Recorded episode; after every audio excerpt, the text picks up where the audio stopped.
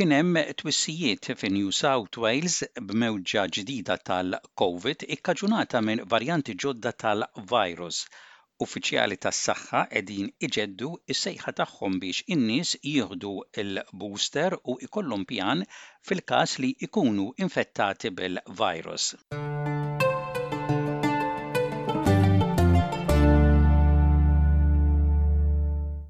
Bl-istaġun tal-festi tal-Milied kważi magħna, ħafna min-nies fi New South Wales qalu lil SBS li jinsabu kuntenti u jħarsu 'l quddiem biex jieħdu daqsxejn tal-mistrieħ matul is-sajf minkejja l-pandemija li għadha fostna.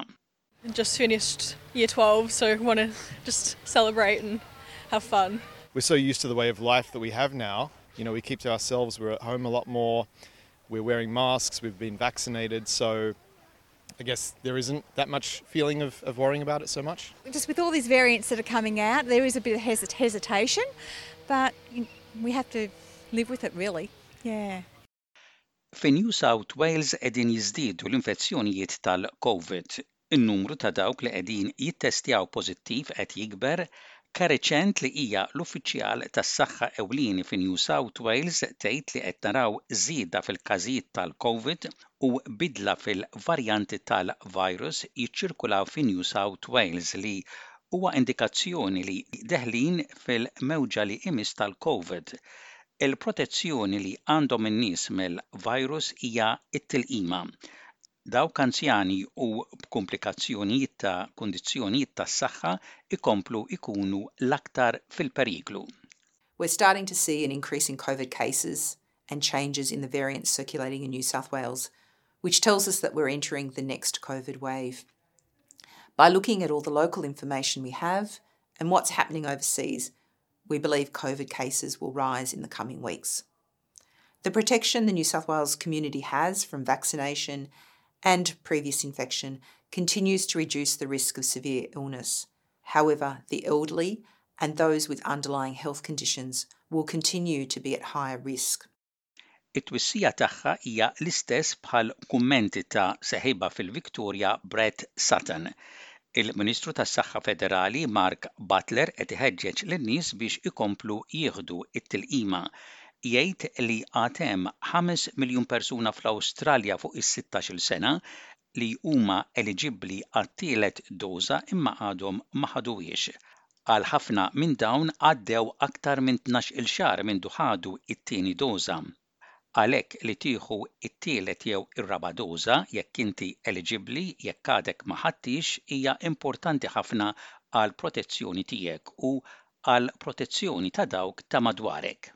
There are still five million Australians over the age of 16 who are eligible for a third dose but have not yet had it. For many of them, it will be more than 12 months since they had their second dose. So, getting that third dose or fourth dose, if you're eligible for that and haven't had it, is going to be a very important um, addition to your protection and by that, the protection of those around you.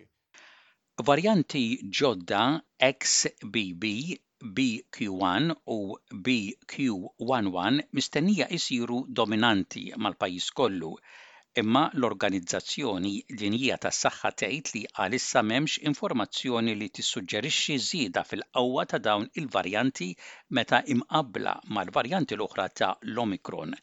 Catherine Bennett, epidemioloġista fl-Università ta' Deakin qalet lil SBS li l-isfida b'dawn il-varjanti ġodda hija n-natura tinbidel tal-virus. Tgħid li dan ifisser li tista' tieħu l-virus din il-ġimgħa u terġa' tkun infettat b'virus differenti ftit ġimgħat wara għax hemm tipi differenti ta' virus u minħabba dawn il-varjanti differenti ma tistax twaqqaf l-imxija għal kollox Nistgħu nnaqqsuha jew nipproteġu lilna nfusna u għalhekk huwa tajjeb li nkomplu nieħdu t-tilqim li għandna bżonn u nevitaw li nimirdu sewwa waqt li nnaqqsu wkoll il-possibilità ta' Covid fit-tul.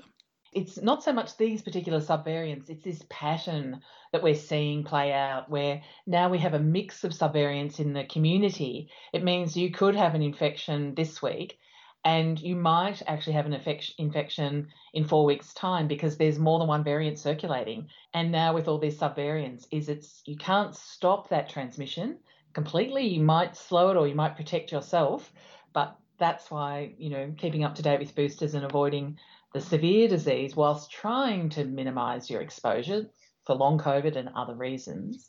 That's why all of that is, is important. So the concern here is in the the evolving story, not so much these specific variants. Sadattant, riċerka ġdida minn żewġ studji nazzjonali turi li aktar minn żewġ terzi tan-nies fl-Awstralja kienu infettati bil-Covid, imma r-rata tista' tkun għolja sa 90 fil-mija fost it-tfal, partikularment meta wieħed jinkludi t-tfal mhux imlaqqma, Dottor Arcana Coralla hija r-riċerkatur ewlieni tar-rapport li kien jikkonċentra fuq it-tfal mit-twelid sa dsatax-il sena, tgħid li ħafna tfal kienu infettati u lanqas nafu. And in fact what we found was that a lot of kids who were who didn't even know that they were infected have antibodies. And this is really important to to understand things like severity of disease and hospitalization in children. So we know that children usually have mild infections, but when we looked at when we look at hospitalization da- data, we now know that hospitalization rates in children are even lower. And that really emphasizes the fact that yes, we've had SARS-CoV-2 around, Most kids have become infected, but they've done well with it. Hija tgħid li r-riċerka turi wkoll minn kampjuni ta' demm fi tfal li kienu imlaqqma li kollha urew rispons qawwi ta' immunità kontra l-virus li jfisser li kollha żviluppaw proteini fid-demm li jipproteġuhom kontra l-virus.